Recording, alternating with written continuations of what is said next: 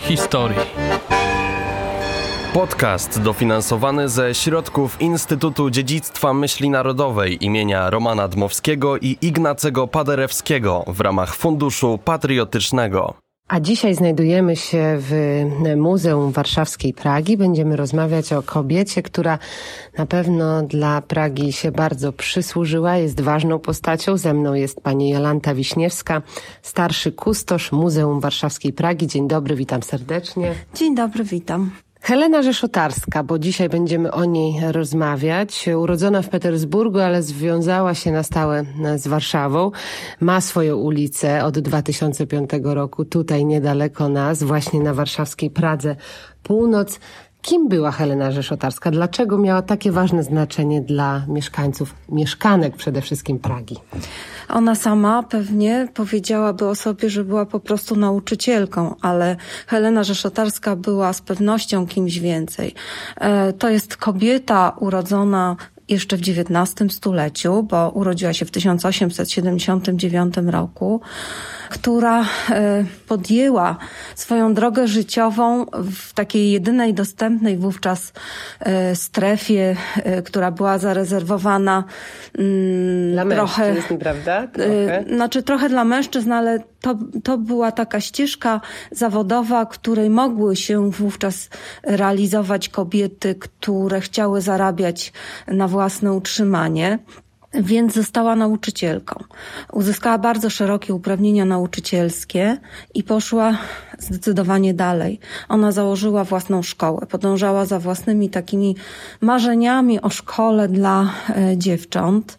E, ta szkoła powstała na warszawskiej Pradze, która wówczas była taką dzielnicą bardzo pod względem możliwości uczenia się, nie tylko przez dziewczyny, ale także przez chłopców. E, to był obszar miasta, w którym niewiele działało szkół, e, zwłaszcza szkół żeńskich. Helena Rzeszotarska najpierw e, zdobyła uprawnienia, zdobyła doświadczenie, była nauczycielką. E, uczyła między innymi w szkole gosławskiej na Nowostalowej i w tej szkole w 1908 roku założyła własną szkołę. Miała wówczas 29 lat i to była taka realizacja jej marzenia. Ale właśnie to był zabór y, przecież rosyjski wtedy. Y, bardzo trudno było zapewne założyć szkołę i wiemy, jak możemy przynajmniej przeczytać, że no Helena Rzeszotarska była osobą odważną, że mm, i prowadziła tajne komplety i uczyła tego języka polskiego i historii i geografii polskiej. Y, tak, w tej szkole już za czasów carskich nauczano języka polskiego. Były lekcje, odbywały się, zresztą uzyskała pozwolenie na nauczanie e, w języku polskim, co było wówczas e, nie takie no właśnie, częste. Dosyć niespotykane. E, ale także uczyła w tej szkole geografii, historii, języka polskiego. To był czas jeszcze przed pierwszą wojną światową. Szkoła rozwijała się. Z czasem z czteroklasowego progimnazjum powstała, powstało ośmioklasowe gimnazjum, później dwunastoklasowa, jakby taki zespół szkół, czyli szkoła powszechna, e, gimnazjum i liceum. E, działały tutaj też e, takie szkoły i kursy zawodowe. Helena Rzeszotarska inwestowała w nauczanie dziewcząt. Ta szkoła w ogóle funkcjonowała od początku na bardzo takich specyficznych zasadach, nietypowych. Po pierwsze, proponowała na bardzo wysokim poziomie, jak na ówczesne czasy, naukę dziewczętom i nie zawsze pobierała od nich pełne czesne. No właśnie można to też przeczytać, że y, kobiety czy dziewczyny, młode dziewczyny, tak, y, które nie miały pieniędzy, mogły się uczyć, bo ona niejednokrotnie albo zwalniała je z opłat, albo sama dokładała, tak, do tej nauki. Tak, w roku szkolnym 1929-30 tylko niewielka część uczennic, na 209 tylko 48, opłacało pełne czesne. Natomiast większość uczennic była albo częściowo zwolniona z takiej całkowitej opłaty, miała pewną ulgę, e, a też kilkanaście uczyło się w szkole bezpłatnie i korzystało też z innych rodzajów pomocy, czyli e, były dofinansowane w zakresie no, e, dożywiania czy stroju szkolnego, różnych takich aspektów ważnych dla uczennicy. Także Helena Rzeszotarska inwestowała w, w zdolne dziewczyny i jeżeli te zdolne dziewczyny był, pochodziły z niezamożnych rodzin, to po prostu dawała im szansę nauki. Ta szkoła również funkcjonowała na nietypowych zasadach, w tym sensie była zarządzana mhm. nietypowo. Jak? E, Helena Rzeszotarska nie czerpała korzyści e, bezpośrednio e, z faktu, że jest właścicielką szkoły. Ona tylko pobierała pensję nauczycielki i kierowniczki szkoły. Taką pensję, która się należała standardowo takim osobom. Natomiast do zarządzania finansami szkoły powołana była specjalna taka komisja finansowa, która była wyłaniana z pracowników szkoły i wszelkie zyski były dzielone, e, były podejmowane różne decyzje finansowe, komu właśnie e, przyznać jakieś stypendium, kogo e, wesprzeć. Także była to z pewnością szkoła zarządzana w bardzo nietypowy sposób. Szkoła mieściła się przede wszystkim, bo ona miała różne miejsca, ale ten naj, największy czas, najdłużej była przy ulicy Konopackiej 4, więc też niedaleko tutaj nas, niedaleko ulicy Stalowej, ale to jest ten okres dwudziestolecia międzywojennego, kiedy możemy powiedzieć, że przypada w takie w cudzysłowie e, rozwój prosperity tej szkoły. No ale przychodzi druga wojna światowa i co się wtedy dzieje e, z, e, z Heleną Rzeszotarską, bo wiemy, że wstępuje do Armii Krajowej, że też bierze udział w działaniach bojowych, powstaniu warszawskim. No właśnie, a jak, jak szkoła, jak jej historia wygląda podczas wojny? Początkowo szkoła jako szkoła powszechna, bo, bo szkoły powszechne w, czasie okupacji mogą działać, funkcjonuje na Konopackiej. E, też użycza swojego, swojej lokalizacji tym szkołom praskim, Gimnazjum Jasińskiego i Gimnazjum Marii Curie Skłodowskiej, które swoje siedziby wtedy tracą, bo Niemcy przejmują ich budynki. Natomiast w pewnym momencie, oczywiście równolegle, prowadzone są komplety. Tajne. Tajne komplety mhm. oczywiście, które odbywają się także w mieszkaniu Heleny Rzeszotarskiej. Ona mieszka też na Konopackiej 4 i w różnych lokalizacjach. Po prostu y, to są, y, to są lekcje, które odbywają się w domach uczennic, w domach nauczycieli. W pewnym momencie y, Helena nie może już prowadzić szkoły w, przy Konopackiej y, i szkoła ta y, w 1943 roku przestaje oficjalnie funkcjonować jako szkoła powszechna i takie kursy, które były zawodowe, które mogły wówczas funkcjonować. Natomiast jako jedna z pierwszych szkół praskich i warszawskich w ogóle zaczyna od nowa w 1944 roku po tym, jak y, na Pragę wkraczają y, wojska sowiecko-polskie i już chyba w październiku y, szkoła Heleny Rzeszotarskiej otwiera swoje podwoje na bardzo też znowu wyjątkowych zasadach, bo to jest czas, kiedy nie da się ciągnąć zysków, wyegzekwować jakiegoś wysokiego czesnego, w ogóle myśleć o dochodach szkoły. Otwiera się po prostu możliwość kształcenia dla uczennic i szkoła funkcjonuje jeszcze y, to jest też jeden z wyjątków wśród prywatnych szkół tutaj w Warszawie, do 1949 roku. Wówczas y, szkoła zostaje upaństwowiona, powstaje na jej miejsce prywatne liceum. Helena Rzeszotarska przekazuje na rzecz tego liceum wszystkie ruchomości, no właśnie, cały majątek szkoły. Tak, się zrzeka, prawda, tak, tak, tak. Mhm. Y, I uczy jeszcze w tej szkole przez języka polskiego, prawda? Języka polskiego przez cztery lata, po czym zostaje odesłana na emeryturę i po 40 bodajże 7 latach pracy nauczycielskiej, to jest trudne do wyobrażenia dzisiaj, żeby ktoś pracował 47 lat e, w tak e, intensywnie e, w, w zawodzie, w tak trudnych warunkach i na tak pełnych obrotach, byśmy dzisiaj powiedzieli ona nie dostaje żadnej renty, żadnej emerytury. I od, tutaj właśnie... Od PRL-u, tak? Tak, od, tak, od, od władz, od władz ówczesnych. Tak. Ma pani właśnie jakieś podanie tutaj? I tu przede mną leży takie podanie do obywatela ministra oświaty. Podanie, które napisał Komitet Rodzicielski grono nauczycielskie tej państwowej żeńskiej szkoły, która funkcjonowała wówczas na miejscu y, dawnego liceum i gimnazjum Heleny Rzeszotarskiej i na, w imieniu nauczycieli i wychowanek tej szkoły. Jest to podanie o przyznanie jej y, świadczenia, które jej się słusznie należy, o zabezpieczenie jej na starość. Ona jest osobą samotną, nie założyła swojej rodziny.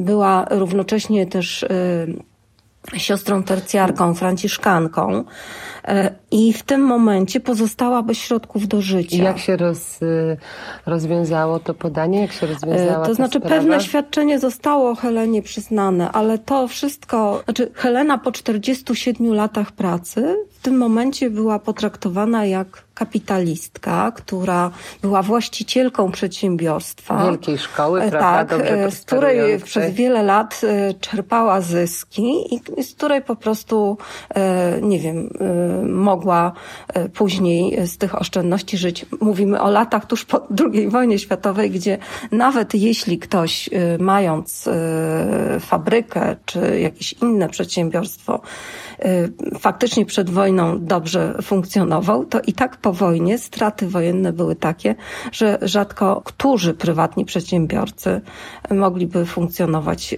sensownie, nie mówiąc już o właścicielce tego rodzaju szkoły. Tak jak pani powiedziała, Helena Rzeszotarska była osobą samotną, poświęciła się, oddała się innym, nie założyła rodziny, ale też właśnie jest ten ciekawy wątek franciszkanek, misjonarek Maryi, że w 26 roku wstąpiła do tego zakonu. Czy wiemy, co nią powodowało i jaki miało wpływ przede wszystkim na nią to, że wstąpiła do tego zakonu? Ona była osobą niezwykle taką skromną, skrytą, więc nie jest to taki wątek jej życia, który był kiedykolwiek mocno rozwijany. Wiemy, że była osobą głęboko wierzącą, że w szkole była kaplica. Pamiętajmy, że szkoła funkcjonowała w kamienicy, w budynku, który był kamienicą, budynkiem mieszkalnym, więc ze wszystkimi możliwymi tutaj ograniczeniami. I w tych warunkach Helena Rzeszotarska wygospodarowała miejsce na e, ołtarz, na kaplicę, która była w takim pomieszczeniu, e, które było jednocześnie miejscem zebrań, salą gimnastyczną i e, w tym pomieszczeniu znajdowała się po prostu taki ołtarz, który był jakby szafą, którą się otwierało. Helena Rzeszotarska, bo na pewno były osoby, czy może no, żyją jeszcze osoby, które ją znały, które z nią pracowały. Jaką ona była postacią, jaką ona była osobą, bo jak można w jakichś niektórych memuarach przeczytać, że była taką osobą wymagającą, że była nauczycielem wymagającym. Jak to było w rzeczywistości? Znaczy we wspomnieniach, które zostały opublikowane i jakby te, które znamy, jej wychowanki wspominają ją jako osobę niezwykle e, taką stonowaną, cichą, spokojną, zrównoważoną, nigdy nie podnoszącą głosu, a jednocześnie budzącą duży szacunek i respekt.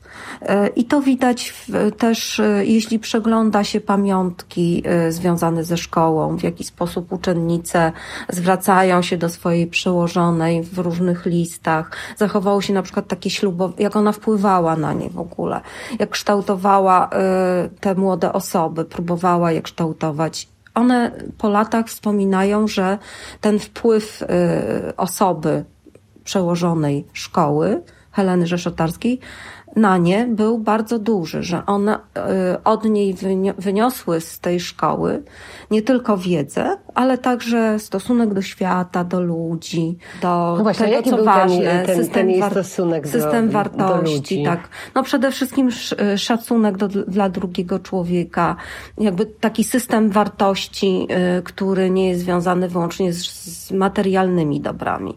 To wszystkie dziewczyny wspominają.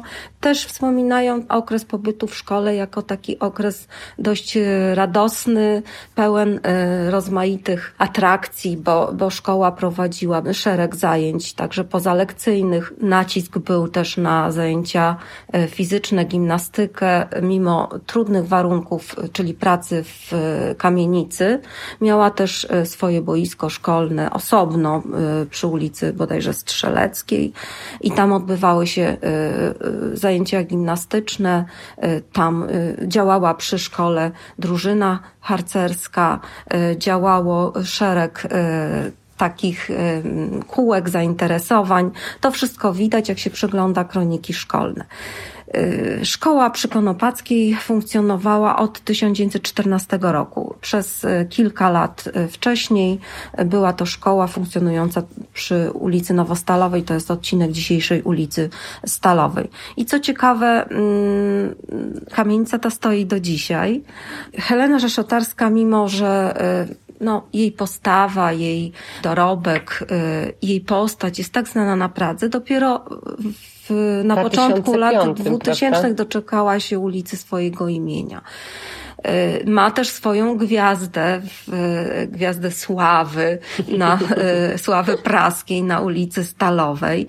Ma też y, tablicę pamiątkową w kościele Matki Bożej Loretańskiej przy ulicy Ratuszowej. Więc jakby na różne sposoby zwłaszcza jej wychowanki, starały się upamiętnić jej postać. A co dzisiaj znajduje się przy y, ulicy y, Heleny Rzeszotarskiej? Bo wiemy, że Konopacka 4, tam gdzie mieściła się szkoła, dzisiaj jest to po prostu pięknie odremontowana kamienica, y, która jest, funkcjonuje. Rozumiem, że to jest kamienica mieszkalna, tak? Znaczy, na Konopackiej 4, w kamienicy przy ulicy Konopackiej 4, szkoła funkcjonowała na zasadzie wynajmu.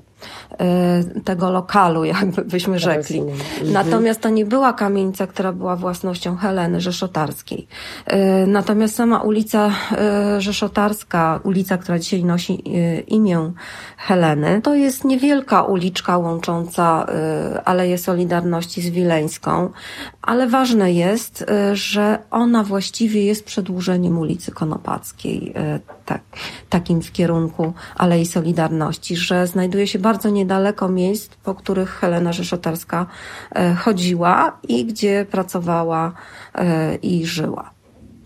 E, czyli jakbyśmy mieli podsumować postać Heleny Rzeszotarskiej, to postać bardzo zasłużona, prawda? Dla Pragi, tutaj dla mieszkańców, dla kobiet tych związanych z Pragą to taka postać e, kobiety, która podąża za swoimi marzeniami, za swoją pasją, e, realizuje się w bardzo trudnych czasach i e, nie poprzestaje na takich bardzo łatwych rozwiązaniach. Ona przez całe życie musiała coś ciągle udowadniać. W czasach carskich musiała zdobyć szereg uprawnień. E, wykorzystała te możliwości możliwie najbardziej szeroko. Tych kursów pedagogicznych, e, jakby to wykształcenie zdobywała możliwie w najszerszym kierunku, w jakim mogła. E, uczyła później i polskiego, i geografii, i historii, i religii, więc to był szeroki wachlarz jakby też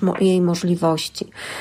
Potem w czasach y, Polski niepodległej, y, jako Polka urodzona w Petersburgu musiała też udowadniać y, swoją polskość. To też był taki czas, kiedy trzeba było starać się o polskie obywatelstwo, udowadniać, że się jest osobą, która na nie zasługuje. Nie było to takie wszystko proste. I również później e, rozszerzała działanie swojej szkoły, zdobyła uprawnienia szkoły państwowej. To było bardzo ważne, że można było maturę zdobyć e, w szkole Heleny Rzeszotarskiej, że Helenki, bo tak potocznie nazywano uczennice tej szkoły, były rozpoznawalne na ulicach Pragi i Warszawy. One nosiły takie charakterystyczne mundurki i że była to szkoła, która cieszyła cieszyła się y, taką estymą. To była szkoła o bardzo dobrym poziomie nauczania. Także to, co się działo w czasie wojny, okupacji, a także po wojnie, świadczy o tym, że Helena Rzeszotarska jakby w każdym czasie próbowała realizować swoją misję i tę misję bardzo głęboko w sobie miała. I mimo, że podążała takim no, trochę typowym tropem kariery tych czasów dla kobiety, to jednak osiągnęła znacznie więcej. To ja bym nam się w sumie zapytać na początku, o to to już naprawdę będziemy zaraz kończyć. Jak Helena Rzeszotarska znalazła się w Petersburgu w ogóle? Jak te korzenie jej się do Rosji y, tam y, przeniosły? Y, rodzina Rzeszotarskich pochodziła właśnie z okolic Opoczna. Y, tam ojciec Heleny Rzeszotarskiej y, ukończył jakby pierwsze stopnie szkolne, gimnazjum. Potem wyjechał na studia do Petersburga. Potem został zatrudniony w jednej z fabryk, a następnie zaproponowano mu katedrę, pracę w, na Politechnice Petersburskiej. I tak to się stało, że rodzina znalazła się w Petersburgu na wiele, e, na wiele lat. Ale Helena jednak ciągnęło do Polski, prawda? Bardzo. Ona później w swoim życiorysie napisała, że wróciła, aby pracować w kraju. Ona wróciła po śmierci ojca, znaczy w 1904 roku. E, wtedy ojciec jej umiera i to też nie jest przypadek, że wtedy jakby podejmuje walkę o, e, o własną szkołę, o jakby mm, zwiększenie też swoich możliwości, jeśli chodzi o uprawnienia nauczycielskie no bo to jest trudna sytuacja dla dziewczyny niezamężnej. E, jeżeli umiera ojciec, to rodzina zwykle pozostaje bez środków do życia, jeżeli nie ma jakiegoś kapitału w tym czasie. Więc ona musiała też walczyć o swój byt w ten sposób, z pewnością.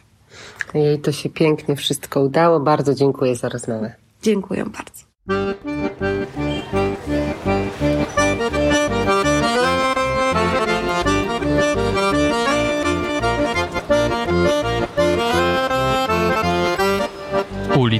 Historii.